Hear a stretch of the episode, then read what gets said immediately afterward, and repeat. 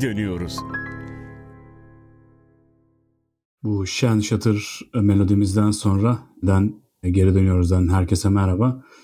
Bu hafta kıymetli hocam, değerli alim Töre Sivrioğlu'yla yine çok sevdiğimiz bir konudan bahsedeceğiz. Bugün biraz çizgili dünyaya bakacağız. Bundan önceki 10 bölümde yaptığımızdan e, biraz farklı olarak biraz daha yakın bir geçmişe döneceğiz. Biraz daha yakın bir mesafeye geri döneceğiz. Töre senle benim daha işte ortaokul lise yıllarındaki tanışıklığımızda o zamanlarda mizah dergilerine oran, olan ilgimiz, çizgi romanları olan ilgimiz ilk tanışıklığımızda sohbet edecek konu bulma noktasında bizi çok besleyen bir şeydi. Ve bugün artık ihtiyar iki adam olarak bile hala konuşmayı en sevdiğimiz konulardan biri. Bu çizgili dünya. Aynı zamanda senin olağanüstü bir çizgi yeteneğin olduğunu da biliyorum. Hatta kitaplarındaki e, desenleri, haritaları üşenmeyip kendini çizdiğini de biliyorum. Biraz bugün çizgiden bahsedelim istiyorum. Çizgi deyince e, aslında biraz çizgi romanlardan da konuşalım istiyorum ama önce biraz bizim hayatımıza çizgiyi sokan asıl şeyi konuşalım istiyorum. O da aslında herhalde Gırgır dergisi. Biz Gırgır'ın biraz daha sonradan takipçisi olmuş sayılırız. Yani daha eski Gırgırları takip ederek yani çünkü bizim zamanımızda artık gırgır yerini biraz daha şeye bırakmıştı. Çocukluğumuzda değil belki lisede falan ama e, Leman çizgisine bırakmıştı. Ama biz aslına bakarsan Leman kültürünü çok çok içselleştiremedik. Gırgır'a her zaman daha yakın hissettik kendimizi. Gırgır'ın sendeki ve e, memleket tarihindeki yeri kabaca nedir? Bize biraz anlatsana.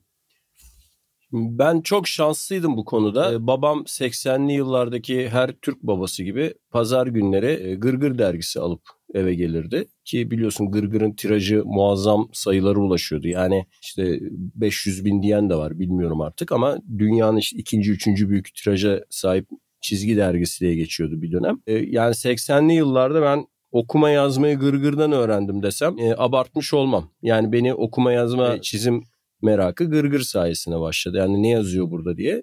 Bir de şöyle bir şansım vardı benim. İznik Gölü taraflarına gittiğimiz bir zaman 85-86'lar olabilir yıl. Ee, babam bir bakkalda e, koli koli gırgır bulmuştu. Ne yapıyorsun bunları dedi adama. Ya işte sarıyorum dedi paket maket çekirdek şuna buna. Ya dedi bunları bana satar mısın dedi bana. Tabii dedi bir şey bir e, fiyata. şey bir, Kağıt e, parasına. Yani aynen öyle. Yani helvacı kağıdından bile ucuz paraya koli koli gırgır aldı. Ben o yüzden yaşıtlarımdan çok şanslı olarak 70'lerin e, gırgırlarını da okudum 80'lerde. Yani o Beleşinolar falan. Hatta Avni'nin büyük halini e, şeyden de biliyordu mesela. Hani 80'lerde gırgır okuyanlar biliyorsun Avni'yi çocuk Avni olarak okumaya alışıktırlar. Ben ama onun aslında o Deve Dilaver'le Avni'nin daha büyük olduğu e, maceraları zaten öyle başlıyor ya sonra çocuk halini çizmeye başlıyor Oğuz Aral. Ve şeyi çok iyi hatırlıyorum. Yani Oğuz Aral'ın çizgilerine hayrandım. Hayrandım yani. Hani Oğuz Aral'ı e, şöyle söyleyeyim sana. Hayatımı hiç tanımadım, hiç görmedim. Hiçbir yerde karşılaşma şansım da olmadı ama benim çocukken bütün hayalim yani ne tarihçi ne arkeolog ne de başka bir şey olmaktı. Benim bütün hayalim bir gün büyüdüğüm zaman Gırgır dergisinde çizer olmaktı. O yüzden oradaki çizgileri sağ elimle sol elimle böyle tersten çizerek deneyerek e, yetişmeye çalışıyordum. Bazı çizerlerin çizgilerini taklit edip geçebiliyordum ilkokulda ama tabii Oğuz Aral'ın çizgilerine ulaşamıyordum. Onda garip bir ciddiyet vardı. Beni saran bir ayrıntı şeyleri vardı. Onun çizgilerini çok seviyordum. Daha okuma yazma bilmiyorken de Oğuz Aral'ın çizgilerini ayırt edip özellikle ona öykünüyordum yani onun gibi. Yani bu patates burunlu adam hayranlı herkeste bir vardır ya. E, o yüzden hani öyle bir şansım oldu. Ben Gırgır'ı çok küçük yaşlarda çok geniş bir perspektifle inceleyebildim. Çok eski sayılarıyla. Yani hatta Altan Erbulak'ın hani çizdiği sayılar falan da vardır ya hatırlarsın onu ilk hı hı. 70'lerin. Onları dahi Üşütüklerdi galiba onların sayfasının adı. Onları bile çocukken okuma şansım oldu. Yani daha sonra arşivlerde falan okudukça ha, e, hatırladım tekrar. Hatta Nuri Kurtçeve'nin Gaddar Davutları falan. Onları ben 70'li yılların gırgırlarında okuyabildim diyebilirim sana. Böyle bir giriş yapayım. Sözün burasında aslında seninle bir çizgili mizah dergisi yazarlığı, çizerliği tecrübemizin olduğunu da hatırlatmak ve bizim için çok değerli bir anıyı da burada yad etmek isterim. Dinleyenler için de bilmeyenler e, olduğunu varsayarak söyleyeyim. Biz ikimiz de Bandırma'da büyüdük Döre'yle. Çok çocuk yaşlarımızdan beri beraberiz. Neredeyse hiç ayrılmadık yani başka şeylerde okumak dışında. ve Bandırma Mizah dergilerinin gizli kahramanları konusunda çok verimli bir yerdir. Erdal Belenlioğlu, Yaşar Arak, Ömer Pınar gibi çok böyle Türkiye'de e, mizah tarihinde hep böyle gölgede kalmış hep ama esprileriyle bu dergilere sağladığı mizah malzemesiyle hep gizli kahramanlar olmuş e, bir takım isimlerin Bandırma'da e, birlikte çıkardıkları bir gazete vardı Orkinos diye. Türkiye'nin ilk yerel mizah dergisiydi Orkinos ve biz de Orkinos'un daha sonraki bir versiyonunda törele yazma çizme şansı bulmuştuk. Buradan e, Orkinos'un anısına böyle hem saygılarımızı gönderelim hem bize bu işi sevdiren işte Erdal abiler, Yaşar abiler onları da almış olalım bir şey diyordun. Tabii o hatta olacak o kadar da da yazar kadrosundaydılar aynı zamanda. Sadece... Hatta ben sana bir şey söyleyeyim. Bizim çocukluğumuzda plastik show vardı hatırlar mısın? Aha. Bu liderlerin plastik kuklalarını. Emirellerin, Ecevitlerin. Evet evet. Onları da onlar yazardı. Çok komik adamlardı. Hala bir yerlerde mizahla uğraşmaya devam ediyorlar. Hatta Erdal abi Tarama Ucu diye bir dergi çıkarıyor. Yine Bandırma'dan bir arkadaşımız Ömür'den Ömür'den Bakaçan'la beraber. Başka herhalde adını anmayı unuttuğum o dönemden abilerim varsa kusura bakmazlar diye düşünüyorum. Yani bu işin aslında e, biraz mutfağına da hakimiz denebilir. Çünkü o dergi bizim gözümüzün önünde çıkıyordu. Yani bir sahaf dükkanları vardı Erdal abilerin. Biz o sahaf dükkanında büyüdük denebilir büyük böyle mizampaj planları içerisinde yani o zaman böyle bilgisayarla tasarım falan filan yoktu. Böyle işte cetvelli mizampaj sayfaları üzerine kesip yapıştırarak hazırlarlardı dergileri. Ve hep, hep bunları görerek büyüdük. Biz işin mutfağına da biraz hakimiz denebilir. Yani evet Bandırma e, bu enteresan bir özelliği var. İlk yerel bir ilçede yayınlanmış ilk mizah dergisi 1986'da yayınlanıyor bu. Biz de bunun tekrar yayımında çalışmıştık. Hatta şu anda zaten işte Bandırma Belediyesi ile görüşüyoruz bu e, nostalji sayılarını tekrar e, basabilir miyiz gibi. İşte tarama ucunun da e, gene basılması için uğraşıyoruz. Çünkü e-dergi o elektronik dergi olarak yayınlanıyor. Baskı konusundaki zorluklar nedeniyle bir yandan o tarama ucunda burada almış olalım. E, şeye dönersek... Tarama ucunda da hocam çok özür dilerim. Tarama ucunda da biliyorsun yine bir bandırmalı ağırlığı var. Sen varsın, ben varım, Erdal abi var, Ömür'den var, e, bizim Ferit var, Ferit Güleç. E, benim beraber de bir takım çizgi romanlar çizdiğim, şimdi yeni bir kitap hazırladığım. Böyle şey gibi bandırmalar böyle hani bir, bir yerde belediyeye işte bir bir memlekette bir tokatlı, gümüşhaneli biri girer sonra herkesi belediyeye doldurur falan. Böyle bütün öyle bir şeyle bütün dergiye dolduk bütün bandırmalar. Bir bandırmalı ağırlığını da dile getirmek lazım. Zaten Erdal abi şikayetçi ya. Yeteri kadar bandırmalı doldu. Bana bandırmalı getirmeyin demeye başladı yani. Çok haklı. Bana da bandırmalı getirmeyin. Peki bizim hayatımızda gırgırın yeri çok önemli. Oradan tanıdığımız isimler bizim mizah anlayışımızın oluşmasında çok etkili oldular. Bizim dünyayı görsel olarak algılama e, biçimlerimizi belirleme noktasında çok etkili oldular. Ama maalesef siyasi ortam, siyasi yani o konjonktürel ortam bir şekilde bize gırgırdan ayırdı. Daha doğrusu gırgırı bizden ayırdı. Gırgır eskiyi görmemeye başladı ve biraz da Oğuz Aral'ın öğrencilerinin kendisine ihanet edip bu işte para var biz niye bu parayı kendimiz kazanmayalım diye uzaklaşmasıyla alternatif mecralar oluştu. Aslında bir yanıyla iyi bir yanıyla kötü. Şu yanıyla iyi. Farklı mecraların oluşması dikkat edersen o dönem İslamcıların bile dergileri vardı. Usturalar falanlar filanlar. Herkesin kendi kendini ifade edebileceği bir mecra oluşmuş oldu. Bir yanıyla kötü Oğuz Aral'dan çok korkuyorlardı e, öğrencileri. O da o bir kontrol mekanizması olarak Türkiye'de mizahın yani dergiciliğin, mizah dergiciliğinin çok disiplinli bir şekilde yürümesini, çok böyle bir takım ahlaki değer ve erdemleri muhakkak göz önünde bulundurarak sürdürüldüğü bir iş olarak süre gitti çok uzun yıllar. Ne zaman ki Oğuz Aral denklemden çıktı ondan sonra biraz kimse alınmasın ama atizi itisine karıştı dergicilikte. Yani Leman'da çok eğlenceli, çok siyasi olarak her zaman arkasında durabileceğimiz karikatürler olmasına rağmen asla ben, ben kendi adıma söyleyeyim eve sokmayacağım karikatürler de vardı. Biraz da bundan bahsetsene. Ne oldu? Neden dağıldı bu iş? Neden böyle bu kadar çeşitlendi ve nereye gitti? Ya görüntüde şeydi Asil Nadir hatırladığım kadarıyla oradaki çizerleri cezbetti ve o dönem işte Hıbır dergisine geçtiler 89 sıraları e, kadronun bir kısmı yüksek e, ücretleri o dönem transfer oldular. Orada tabii e, yani Oğuz Aral'ın mirasını çift açıdan değerlendirmek lazım. Yani Yanus'un yüzü gibi bu Türk mizahına ve çizgisine Türkiye'de en büyük katkıyı veren insanlardan biridir. Çünkü sokağa indirdi halkla buluşturdu. Ya ondan önce biliyorsun karikatürler şeydi e, gazetelerin köşelerinde ya da bir derginin bir sayfasında hatta Akbaba bile aslında bir çizim dergisi değildi yani. Yazı ağırlıklı, öykü ağırlıklıydı mizah öyküleri. E, çizim Akbaba'da bir süs unsuru gibiydi ama ilk defa hatta bu Gırgır projesinden bahsettiği yıllarda Oğuz Aral'a tutmaz diyorlar. Yani bütün bütüne böyle her sayfada çizim olan e, bir dergi büyük bir riskti. Topluma ulaştırma açısından çizimi muazzam emeği var ama bir yandan da tabii dediğin gibi öğrencilerini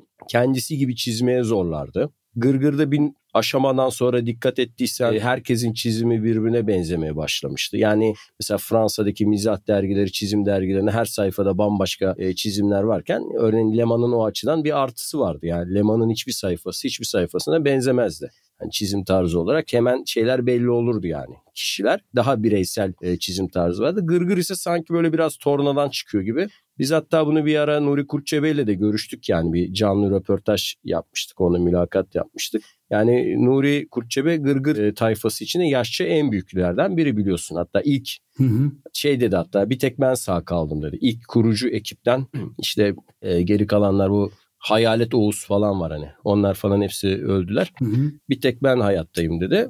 Şimdi orada da yani Oğuz abi bana da hani benim çizgime de müdahale ediyordu. Hani öyle çizme böyle yapma ama ben direndim dedi örneğin. Hiçbir zaman e, ödün vermedim dedi ama birçok arkadaş e, Oğuz Aral'ın istediği gibi çizmeye kendini e, uydurmak zorunda kaldı diye bize o günleri anlatmıştı. Gerçekten de hani gırgıra bir şöyle genel olarak bakıldığını ayrıntılara değil de e, birçok çizerin çizimi birbirine çok benzemeye daha doğrusu Oğuz Aral'a benzemeye başlamıştı. Yani ayırt edilemiyordu. Hatta evet. bazı konuştuğumuz röportajlarda şey diyorlar. Avni bile aslında e, Galip Tekin çiziyormuş işte bazılarını. Oğuz Aral imzası falan. Ya bu olabiliyordu çünkü birbirlerinin aynı çizim şeylerini yapabiliyorlardı. Bu da tabii olumlu bir şey değildi. Ama şu açıdan gırgırın e, dağılması kötü oldu ve yani e, Leman'ın Leman geleneğinin ön plana çıkması şöyle bir eksiklik getirdi. Gırgır'da hareketli mizah vardı. Yani Gırgır'ın çizgi film geleneğinden geldiği için Oğuz Aral pandomim e, geleneğinden ve çizgi film yapma geleneğinden geldiği için onu bilirsin hani reklam çizgi filmleri falan yapmış uzun dönem 50'li 60'lı yıllarda falan karton şeylerin şirketlerine. E, Gırgır'da bir hareket mizahı vardı. Yani adam ters dönüyordu, attan düşüyordu, balkondan düşüyordu, ayağa kayıyordu, işte kafa üstü çakılıyordu falan. Şimdi Leman'da bunlar kayboldu. Leman'da e, giderek e, sadece portre çizen yani insan kafası çizen ve bol bol yazı ve espri üreten bir yeni bakış açısı türedi ve hareketler ve küfür. Ya evet ya o boyutu da var. E şimdi zaten şöyle düşün. E, hareket komedisi yapamıyorsan yani kafa üstü çakılan bir adam çizemiyorsan ya da çizmeyi tercih edemiyorsan güldürüyor artık neyle yakalaman gerekiyor. Yani sürekli bir küfür etmen lazım. Bu açıdan hani gırgırdan Leman türevine geçiş, tarzına geçiş biraz çizim açısından bir kayıp oldu. Yani Leman'ın esprileri daha zengin, daha geniş pencereli olabildi. Orada Leman'ın hakkını yemeyelim. Hatta siyaseten de Leman daha cesurdu. Yani mesela Gırgır fazla politik, sivri siyasi şeylere girmek istemezdi. Biliyorsun biraz sansürlerlerdi kendilerini. Mesela Sivas olayları olduğu zaman o, o gelenekten gelen dergiler. Hani Gırgır o zaman yoktu ama Avni vardı mesela. Dıgıl Avni falan fazla bu konuya girmek istemiyorlardı. Leman bu konuda daha cesurdu. Orada hakkını teslim edelim. Yani Türkiye'de yaşanan olaylara tepki verme açısından mizahi bir dille. Ama çizim e, zenginliği açısından gırgırı aşamadılar ya da aşmak istemediler ve bir şekilde Türkiye'de çizim kalitesi, çeşitliliği açısından bu gırgırdan sonraki dergilerin hiçbiri bu şeye ulaşamadı. Aşamaya ulaşamadı. Sonra sosyal medyanın gelmesiyle beraber bu Leman, uykusuz penguen e, geleneği de e, yavaş yavaş ufukta silinmeye başladı. İnsanlar bu dergilere ihtiyaç mı hissetmiyorlar artık yoksa sosyal medya herkesin kendi mizahını an be an üretip dolaşıma sokabildiği bir yer olduğu için mi bu dergilere acaba ilgi kalmadı? Bilmiyorum bu dergiler çıkıyor mu, satılıyor mu, ne düzeyde satılıyorlar? E, nereye ulaşıyorlar, haftalık olarak herkes buraya hala bir şeyler çiziyor mu hiç takip etmediğim için bilmiyorum ama örneğin Leman'ı takip etmemek gibi bir lüksün yoktu. Yani her hafta bir şekilde almasan bile işte o haftanın çizimleri, o haftanın siyasi bombaları, o haftanın takip edilen karakterleri işte kıllanan adamlar, Erdener abiler, işte bir şekilde işte o Dandol, Denyuslar hep böyle her, her hafta haberdar olunurdu bunlardan. Ama şimdi bu dergiler neden bitti? Yani sadece sosyal medya yüzünden mi bitti? Bence sosyal medya yüzünden bitmediler. Bence önce çizim albenisiyle önce bittiler. Yani e, şimdi ben çocukken gırgırı okurken bazı çizerlere yani 8 yaşında 9 yaşında bunu ben de çizerim de diyordum ve hakikaten de çiziyordum yani. İşte resim yarışmalarına falan yolladım resimlerle. Ama asla aşamayacağım çizerler vardı. Yani örneğin işte Galip Tekin'in o kendine has giderek e, böyle yoğun gölgeli taramalı çizim tarzı falan. Ya ona mesela ulaşmak çok zordu. Şimdi bu tür dergilerde bu tür çizerler giderek azaldı. Yani iyi çizerleri takip edenleri de kalmadı ve çizimler standartlaştıkça yani basitleştikçe ve herkesin çizebileceği bir aşamaya geldikten sonra e oradaki espriler zaten çoğu sosyal medyada da paylaşılabilecek espriler haline geliyor. Çünkü artık bir dergiyi neden okursun bir çizim dergisini? Sadece gülmek için okumazsın. Yani biz mesela Gırgır'daki her e, kareyi tek tek incelerdik. Şimdi bir kafanda canlandır yani Oğuz Aral'ın mesela Utanmaz Adam e, zaman makinesiyle işte Western dönemine gidiyordu. Bir ikitle falan karşılaşıyordu. Ya şimdi tekrar bu e, yaşımda bakıyorum. Ya bir adam bir koltuğun ayağına süsleme koyar mı? Yani hani perspektif var süsleme var. Her ayrıntıyı çizmiş. Yani bir odanın içinde perdenin işte ayrıntısını çizmiş, masa örtüsünü çizmiş o döneme göre. Şam damları çizmiş yani koymasa da olur onlar. Hayır ama her sahne ayrı ayrı sergilenebilecek kadar güzeldir yani. Gırgır da zaten dört kere, beş kere, on kere çizdiriyormuş ya. İşte diyor adam koşan adam çiziyor Oğuz Aral'a. Adam diyor ki bu koşmuyor ki diyor. İki ayak çiziyor adam çifte telli oynuyor mesela. Hakikaten de koşan adam çizene kadar bize diyor öğrencilerle görüştüğümüzde konuştuğumuzda 10 kere aynı şeyi çizdirtiyordu ve beğenmiyordu diyor. Ama bu insanların hepsi de büyük usta oldu. Fakat bu bahsettiğin dergilerden artık e, büyük ustaların yetişme olanı e, şartları da kalmadı. Yani çizim alanında kendini geliştirme şeyi kalmadı. Sadece espri kaldı. Espri de her yerde yapılabiliyor. O zaman bunu çizmeye de gerek yok. Bu nedenle de yani sosyal medyanın olmasına rağmen benim bildiğim kadarıyla mesela Med dergisi Amerika'da galiba hala yayınlanıyor ve ya da e, mesela heavy metal değil mi? O bunlar yayınlanıyor diye biliyorum ve hala bunların bir okur kitlesi var ve bunlar her ya da Hani yurt dışına gittiğimiz zaman şimdi şey diyebilir misin? İşte sosyal medyaya rağmen Marvel'ın işte ne bileyim Örümcek Adam'ın yeni serileri hatta bu şey var e, Doktor Ahtapot e, Örümcek Adam'ın vücudunu ele geçiriyor. İkisinin karışımı bir kahraman çıktı. E bunları hala insanlar okuyorlar ve bunları hala on binlerce satıyor. Yani sosyal medyaya rağmen bizde mizah, çizgi, çizgi roman dergileri bitiyorsa o zaman bizden çok daha ileride sosyal medya kullanan e, Batı ülkelerinde neden bitmiyorlar? Demek ki orada hala çizginin gücü yani yeni çizerler yetişiyor işte Örümcek Adam'ın meşhur çizerinin bir tane e, Junior diye oğlu var. Şimdi o çiziyor falan filan. E, demek ki bizde bir okul olma özelliğini yitirdi. Yani Gırgır bir okuldu. Hmm. Şeye alternatifti. E, Güzel Sanatlar Fakültesi işte falan filan bölümüne alternatifti. Ama şimdi o şeyini yitirdi. Yani şimdi ben çizim yeteneği olan bir genç neden şu an yayınlanan bir dergiye katılsın ki? Yani o çizim alanında kendini Oğuz Aral gibi başında durup böyle olmaz, e, böyle çizmen lazım diyen biri yok. Yani serbestlik güzeldir. E, her çizerin bireysel canının istediği şeyi çizmesi de çok güzel bir şey. Ama başında uyaran ve onu daha iyi çizmeye yönelten bir müdahale olmayınca bu sefer artık çizimler ilerlemeye başlıyor, ilerlememeye başlıyor. Belki bunun dengesi kurulabilir. Tabii yani bu söylediklerinin çok genel bir değerlendirme olduğunun bir kere de ben altını çizmek isterim. Hali hazırda çok iyi çizimleri olan ve bununla birlikte esprileri de çok başarılı olan günden güne yaşarken efsaneleşen bir takım çizerler de var. Bunlardan ne bileyim Bahadır Baruteri, efendime söyleyeyim Revhat'ı, Kutlu Kamperker'i, Yiğit Özgür'ü, Turgut Yüksel'i hani hep bunları anmak isterim. Yani bunları da pas geçmeyelim. Hiç yokmuşlar gibi davranmayalım da yine de dediğin şey doğru. Yani mesela bir Umut Sarıkaya örneğinde Umut Sarıkaya'nın çizgisinin iddialı bir çizgi olmadığı çok açık. Yani muhtemelen kendisine sorsak kendisi de benzer bir şey söyleyecektir ama esprisiyle, yakaladığı nüanslarla, kurduğu evrenle, O da yaşarken efsaneleşen çizerlerden biri. Ama mesela Baruter'in dünyası çok bambaşka bir dünya. Baruter inanılmaz bir yetenek, olağanüstü bir yetenek. Neyse yani bunu eklemek istedim özetle. Aslında biraz ben bunun üzerine ekleyecek bir şey yoksa biraz şeye geçmek istiyorum. Şunu Bizim ekleyebilirim. Için... Leman dönemi ve sonrasında genellikle hani o e, bizi gene hayran bırakan çizerlerin büyük kısmı da ucundan kıyısından yine gırgıra ya da Avni'ye, e, Dıgıl'a yani bir şekilde Oğuz Aral'a yetişen mesela Zafer Temoçin gibi yani Serhat Gürpınar gibi yani onları da aslında Leman kadrosu da neticede Oğuz Aral'ın tedrisatından geçen çocuklar o zaman. Yani Limon grubunu kurmadan önce. Şimdi biz bunu bir 20 yıl sonra yani değerlendirilebilecek bir durum bu. Yani Leman'ı güçlü kılan işte Penguen'i uykusuz güçlü kılan kadro da aslında bir şekilde hala gırgırdan gelen şeyi kullanan bir kadro. Yani Kutlukan Perker'in mesela geçen daha ilk karikatürlerini Gırgır'ın en arka sayfasında gördüm. Onları genelde ben çok severim. Arka sayfadaki o şeyleri 80'li yılların ortalarında muhtemelen yani çocukluk yaşlarının şeyinde yolladıkları şeyler, karikatürler. Yani onların da bir neticede e, şey var. Yani onlar da aslında gırgırdan gelen e, mirasın şeyleri olarak görebiliriz. Ama bundan sonra mesela bir yani o önümüzdeki 10 yıllarda, 20 yıllarda hani bu nasıl gelişecek? Ona da tekrar bakmak gerekiyor. Yani bir e, nasıl gelişecek onu bilmiyorum açıkçası.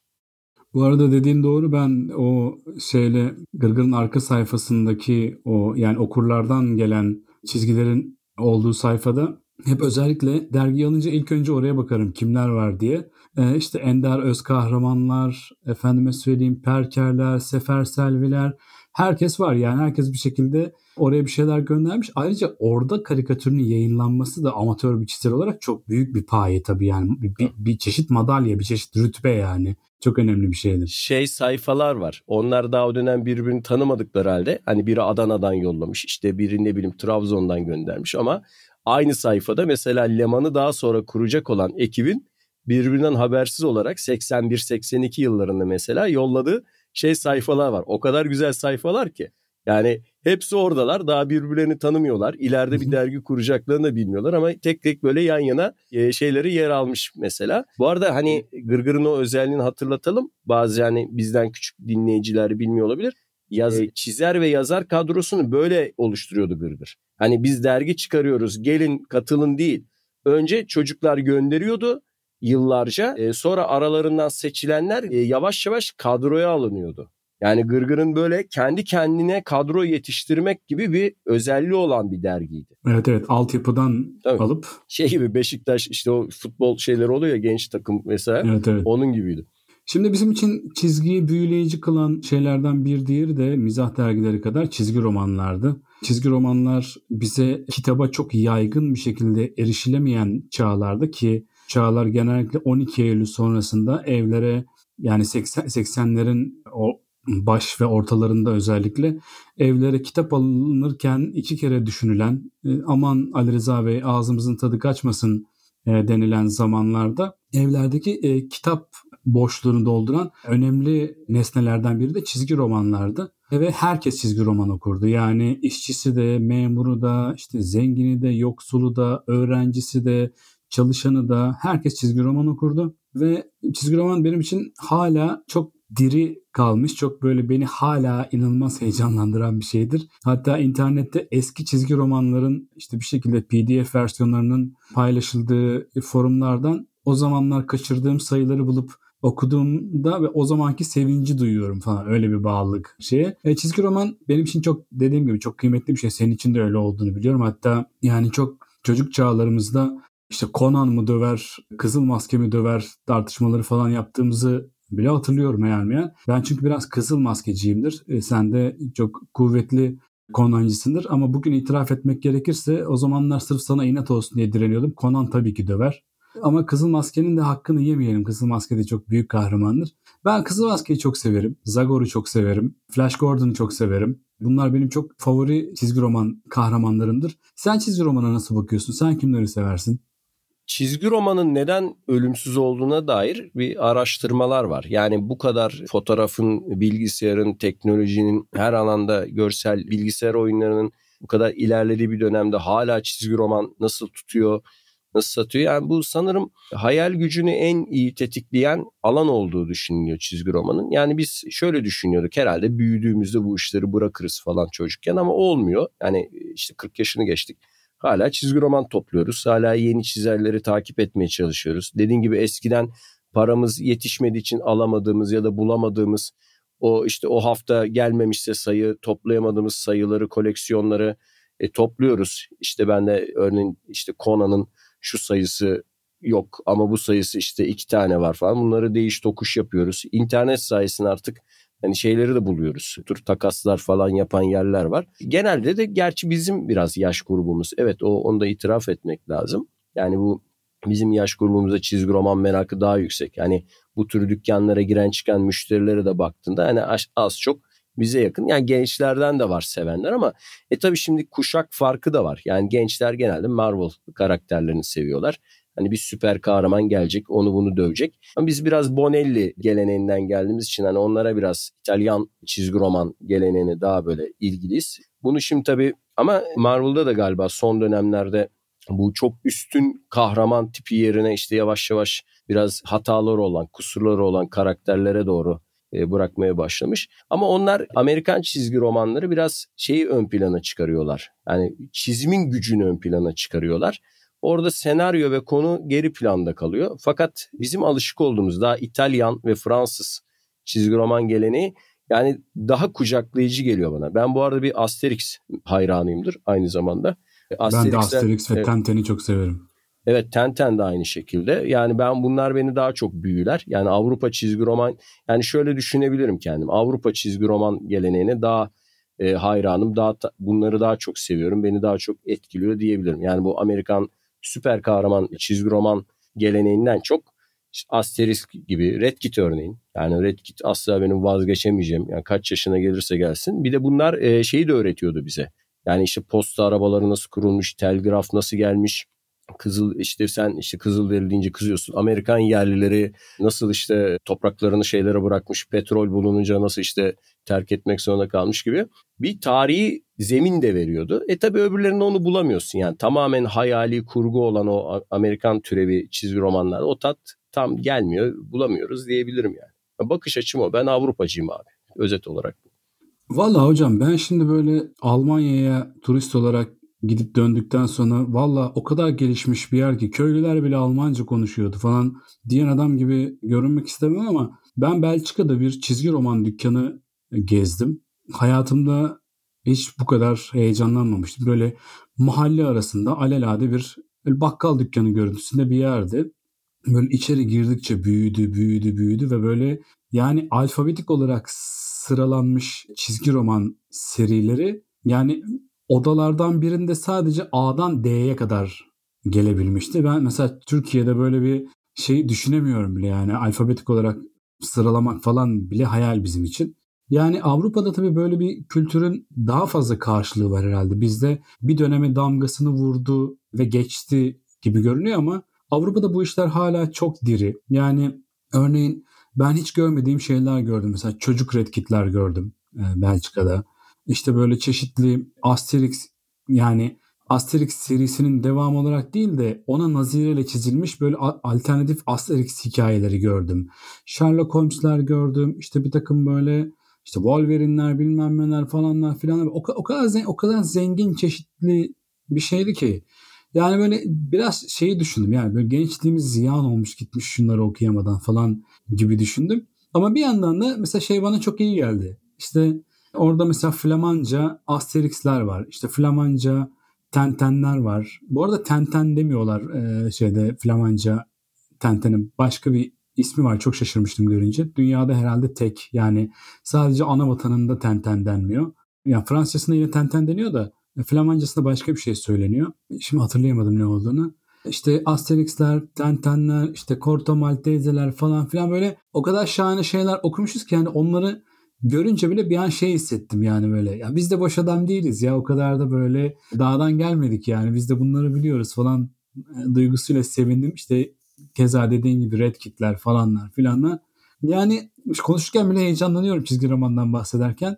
Ve çizgi roman fikir olarak da beni hala çok heyecanlandırıyor. Mesela şimdi Ferit'le bir polisiye çizgi roman yapıyoruz. Eğer her şey yolunda giderse bu yıl bitmeden onu çıkarmayı hatta bir diziye dönüştürmeyi düşünüyoruz. Yine dergilere öyle çizgi roman, kısa çizgi roman senaryoları yazdım. Bazılarını Ferit çizdi, bazılarını başkaları çizdi.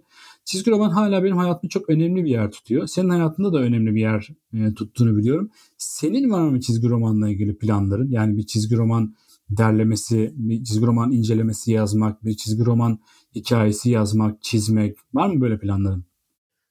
E, yani e, bu işte tarama ucuna dönem dönem şey yazıyorum. Bu örneğin geçen haftalarda ne yazdık? Bu Tenten'in hani biliyorsun kopyaları yapılıyordu Türkiye'de bir dönem. Hatta biz çocukken Marmara Canavarı diye bir hikaye okumuştuk Tenten'in. Hatta şaşırmıştım yani o çocuk aklımda Allah Allah diye falan. Bunu Milliyet o dönem orijinal Tenten hikayesi gibi basmıştı. Sonradan hani yıllar sonra biz bunun orijinal bir hikaye olmadığını öğrenmiştik ama güzel. Kim çiziyormuş?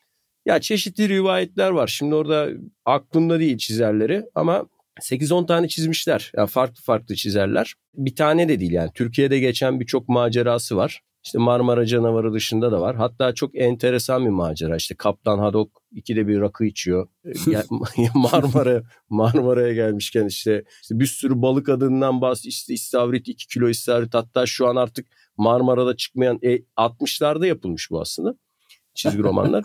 Bugün artık soyu tükenmiş sofralarımızda olmayan balıkların ismi falan geçiyor. Yani belgesel niteliği de var yani ama şeyler çok hoş yani. Hani böyle yerel e, hakaretler, yerel çek Üsküdar'a falan böyle takside işte konuşuyorlar. Türk polisi yakalar falan filan gibi şeyler var. Diyaloglar Bu arada var. yani parantez açayım buraya. Kemal Tahir'in yazdığı Mike Hammer'lerin sayısı basılı Mike Hammer'lerden daha fazlaymış. Ya bu da öyle yani. Hani Türk tenteninin maceraları da normal tentene yakın yani. Milliyet bunu sansürlemiş o dönem. Yani çocuk şeylerini mesela bizim okuduğumuz versiyonda rakı masası yoktu. Ve macera boyunca kaptan sadece içiyor yani. İşte güzel Marmara şarabı içiyor vesaire içiyor. Sürekli böyle bir şeyde. Bunları daha yani 60'larda basılan da onlar da varmış. Yani bizim kopya tenten 80'lerde tekrar basılırken bunları çıkarmışlar. Ama bir dönem böyle bir bunlar şeyi alamamışlar. Şirketten Belçika'dan sanırım onay alamayınca kendi tentenlerini çizmeye başlamışlar. Ya da işte bitince hikayeler elde, elde insanlar yeni hikayeler isteyince hatta bu, bu tür şeylerin şimdi meraklısı da çok. Yani yapılan bu kopyalara daha çok ilgi gösteriliyor biliyorsun. Bunlarla ilgili yazılar yazıyorum. Hani çizgi roman tarihinde şey üzerine yazı yazdım. Şakşak dergisi vardı. Bu Hızır Bey'in çizeri vardı ya. Talat Güreli hocam. İşte o Hızır Bey, Talat Güreli üzerine bir yazı yazdık. O geçenlerde vefat etti. O mesela hani Hızır Bey'in çizeri olarak hatırlanır. Hep öyle tanınır. O da iyi bir çizgi romandır aslında Hızır Bey de. Hani çizim gücü olarak falan çok güçlüdür. Ama onun örneğin Şakşak diye bir dergi çıkarıyordu Talat Güreli. Orada da o hatırlanmayan bir dergi. Geçen onu yazdım. Onu hatırlatan bir yazı hazırladım. Orada şeyi hatırlarsın belki hiç denk geldi mi sana Şakşak dergisi bilmiyorum. Bu bütün ünlü oyuncuların işte Kemal Sunal, Zeki Alasya, Metin Akpınar, Cüneyt Arkın gibi onları çizerdi. Karakterler onlardı yani. Böyle kendi çizdiği Hızır Bey hikayelerin orada bir şeyini görürdük. Kendi kendisiyle dalga geçerdi. Yani gene Osmanlı'da geçiyor hikayeler. Gene böyle işte Cihan Ünallar falan var kahraman olarak. Cihan Ünal hatırlıyorsun o dönem işte Kuruluş dizisinde Osman Gazi'yi oynuyordu onlarla alay eden kendi yaptığı o Hızır Bey çünkü epik bir hikaye ya. Hani e, hı hı. şeyler gibi işte bu Kara Muratlar gibi. Kendi yarattığı karakterlerle orada alay ederdi. Kendi kendisiyle aslında dalga geçerdi. Onunla ilgili bir yazı hazırladım. Şimdi o e, Talat Gürel'in o onları çizdiği şey hiç hatırlanmıyor. Yani Türkiye çocukta o Hızır Bey herkes hatırlıyor ama Şakşak dergisi unutulmuş durumda ve çok iyi bir çizerdi bu açıdan bu tür yazılar hazırlıyorum ve unutulmuş bazı e, çizgi romanları, karakterleri, kahramanları hatırlatan bazı araştırmalar yapıyorum. Yani bir çizgi roman tarihi üzerine çalışmayı da seviyorum açıkçası. Peki kendin yazmayı düşünüyor musun? Ya da çizmeyi? Metin yazarı olarak mı? Yani metin yazarı olarak kendin işte yazan çizen tek başına tasarlayıp bir şeyler çizmek. Yok. Çünkü yani... ben şeyi hatırlıyorum yani biz lise 1'de miydik neydik senin çizgi romanlarına şeyde gülmekten ölürdük yani o şey o Drakula hikayelerin falan filan hiç unutmuyorum onları. Ya biz şanssızdık. Yani İstanbul'da olsaydık yani bunları o dönem tanıtabilseydik tabii çok güzel olurdu. Çünkü daha sonra bunlar yapıldı. Hani bizim 14 yaşındayken kendi kendimize hani işte Drakula ile Donsuz Şükrü diye bir kahramanın karşılaşmasını çizmiştim. Transilvanya'ya işte dedesi Galiçe cephesinde çarpışmış bir Osmanlı subayının torununa bir mülk kalıyor. Bu mülk de Drakula'nın şatosu. Bunlar işte o şatoyu devralmak için Romanya'ya gidiyorlar ve Drakula ile karşılaşıyorlar. İşte ondan sonra orada bir cadı Hagar vardı. Cadı Hagar bu ekipten birine Selim'e aşık oluyordu, Müslüman oluyordu falan böyle şeyler. E, tabii biz o zaman 14, 13, 14 yaşında çocuklar olarak bunları yani İstanbul'da eğer çizme ve bir dergide yayınlama şansımız olsaydı e, orada çok daha yerinde zamanındaymış yani tadındaymış. Çünkü ileriki yıllarda benzer fikirlerin sinemaya aktarıldığını gördük. İşte bu mesela kutsal damacanalar falan çıktı ya yani Türk kültürüyle korku kültürü yani dışarıdan gelen bu vampir kültü işte kurt adamlar karşılaşsa işte karşımıza ne çıkar diye ama bizimki de çok orijinal değildi. Çünkü ben Turist Ömer Uzayda filmini neticede biz de izlemiştik. Yani ikisinin karşılaşmasını ve ben o filmi çok başarılı bulurum. Hatta şöyle bir anımı anlatayım sana. Ben o filmi başından izlememiştim. Televizyon ortasını izlemiştim ve bir uzay yolu filmi izliyorum gözüyle izlemiştim. Hatta şaşırmıştım. Allah Allah demiştim. Yani bu bir farklılık var acaba ilk bölümlerimi var. Sonra birdenbire Sadri Alışık filmin ortasına çıkınca orta birdeydim o zaman bunu izledim. yani tam olarak şok olmuştum ya bu adam burada ne arıyor diye. Yani bu fikir olarak aslında Turist Ömer Uzay'dan alınmış bir düşünce olduğunu söyleyebilirim. Yani bir Türk kültüründen gelen biri, Doğu kültüründen gelen biri batıdaki o ciddi korkutucu atmosfere girdiğinde nasıl bir işte ortaya çatışma çıkar diye. Daha sonra bunlar tabii yapıldı, edildi. Hani şimdi mesela yayınlasak onu ya bu 10 kere yapıldı denir. Ama tabii 93-94'te biz bunları hani yayınlama şansına sahip olsaydık o zaman tabii çok etkili olurdu yani ilginç bir fikir olarak gelirdi. Bu arada Bülent Kayabaş'ın birkaç şey filmi var. Sen mutlaka izlemişsindir. Eski Türk filmlerine meraklısın. Frankenstein yorumu var bir tane. Muazzam bir filmdir. Bizi dinleyen herkese tavsiye ederim. Yani Bülent Kayabaş'ın e, Frankenstein filmini oradaki esprileri mutlaka ve mutlaka e, yani Türkler bir korku filmi çekerse nasıl olur tarzı bir mutlaka din, izlemelerini isterim yani. Evet, Bülent Kayabaş'ı da sevgiyle analım bu vesileyle. Evet.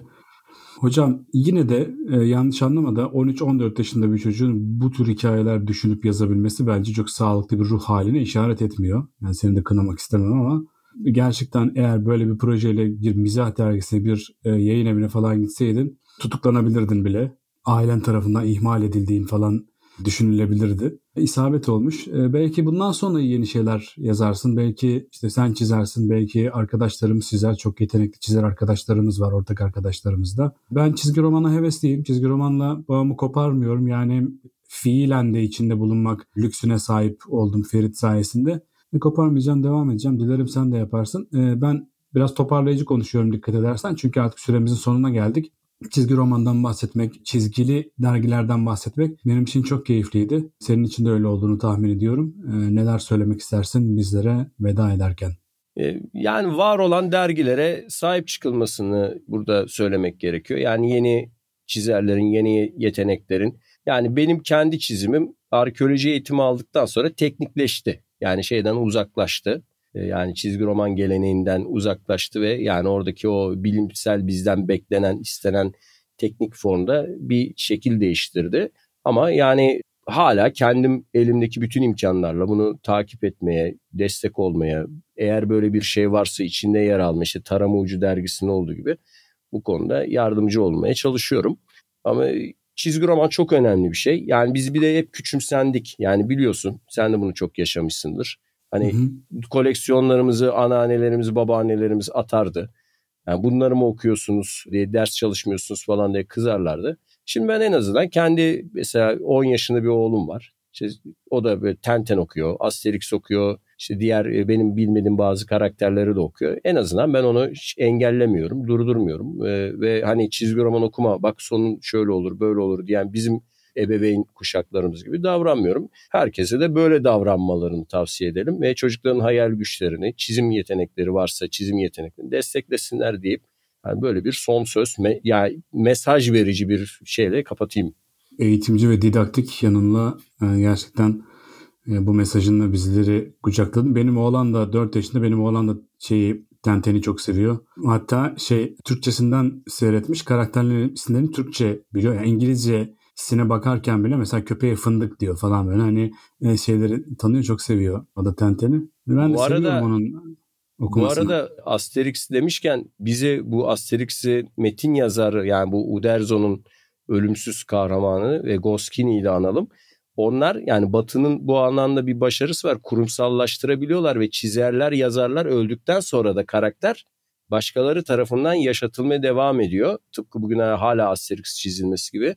Türkiye'ye bunu aktaran insanların olağanüstü başarılı çevirilerini de es geçmeyelim. Yani o isimler mesela ekonomik krizuslar, işte histerixler. Yani o isim koyarken işte eskiden biz Şey, Opterix e, derdik şimdi. Deve gücü tazı hızı şerbeti. Yani bu muazzam uyarlamaları da göndermeleri de unutmayalım. Hatta şeyi hatırlarsın Fred Çakmaktaş'ın da hani bazı şeylerini bu yerel Hı hı. şeyler çeviriler çok ön plana çıkardı. O çevirmenlerin özgür hareketlerini, uyarlama yeteneklerini burada hatırlatalım. Evet bu arada Asterix'in çevirmenlerinden birinin de Halit Kıvanç olduğunu e, hatırlayalım. O da kıymetli bir bilgi. Hocam teşekkür ederiz. E, yine çok eğlenceli bir konuda bizi tenviratınla nurlar içinde bıraktın. Bizi yine aydınlattın, ışıl ışıl ettin. E, bizi ziyaya boğdun. Haftaya yeniden görüşmek üzere. Tüm geri dönüyoruz dinleyicilerine de böylece sevgilerimizi, selamlarımızı gönderelim. Görüşmek üzere.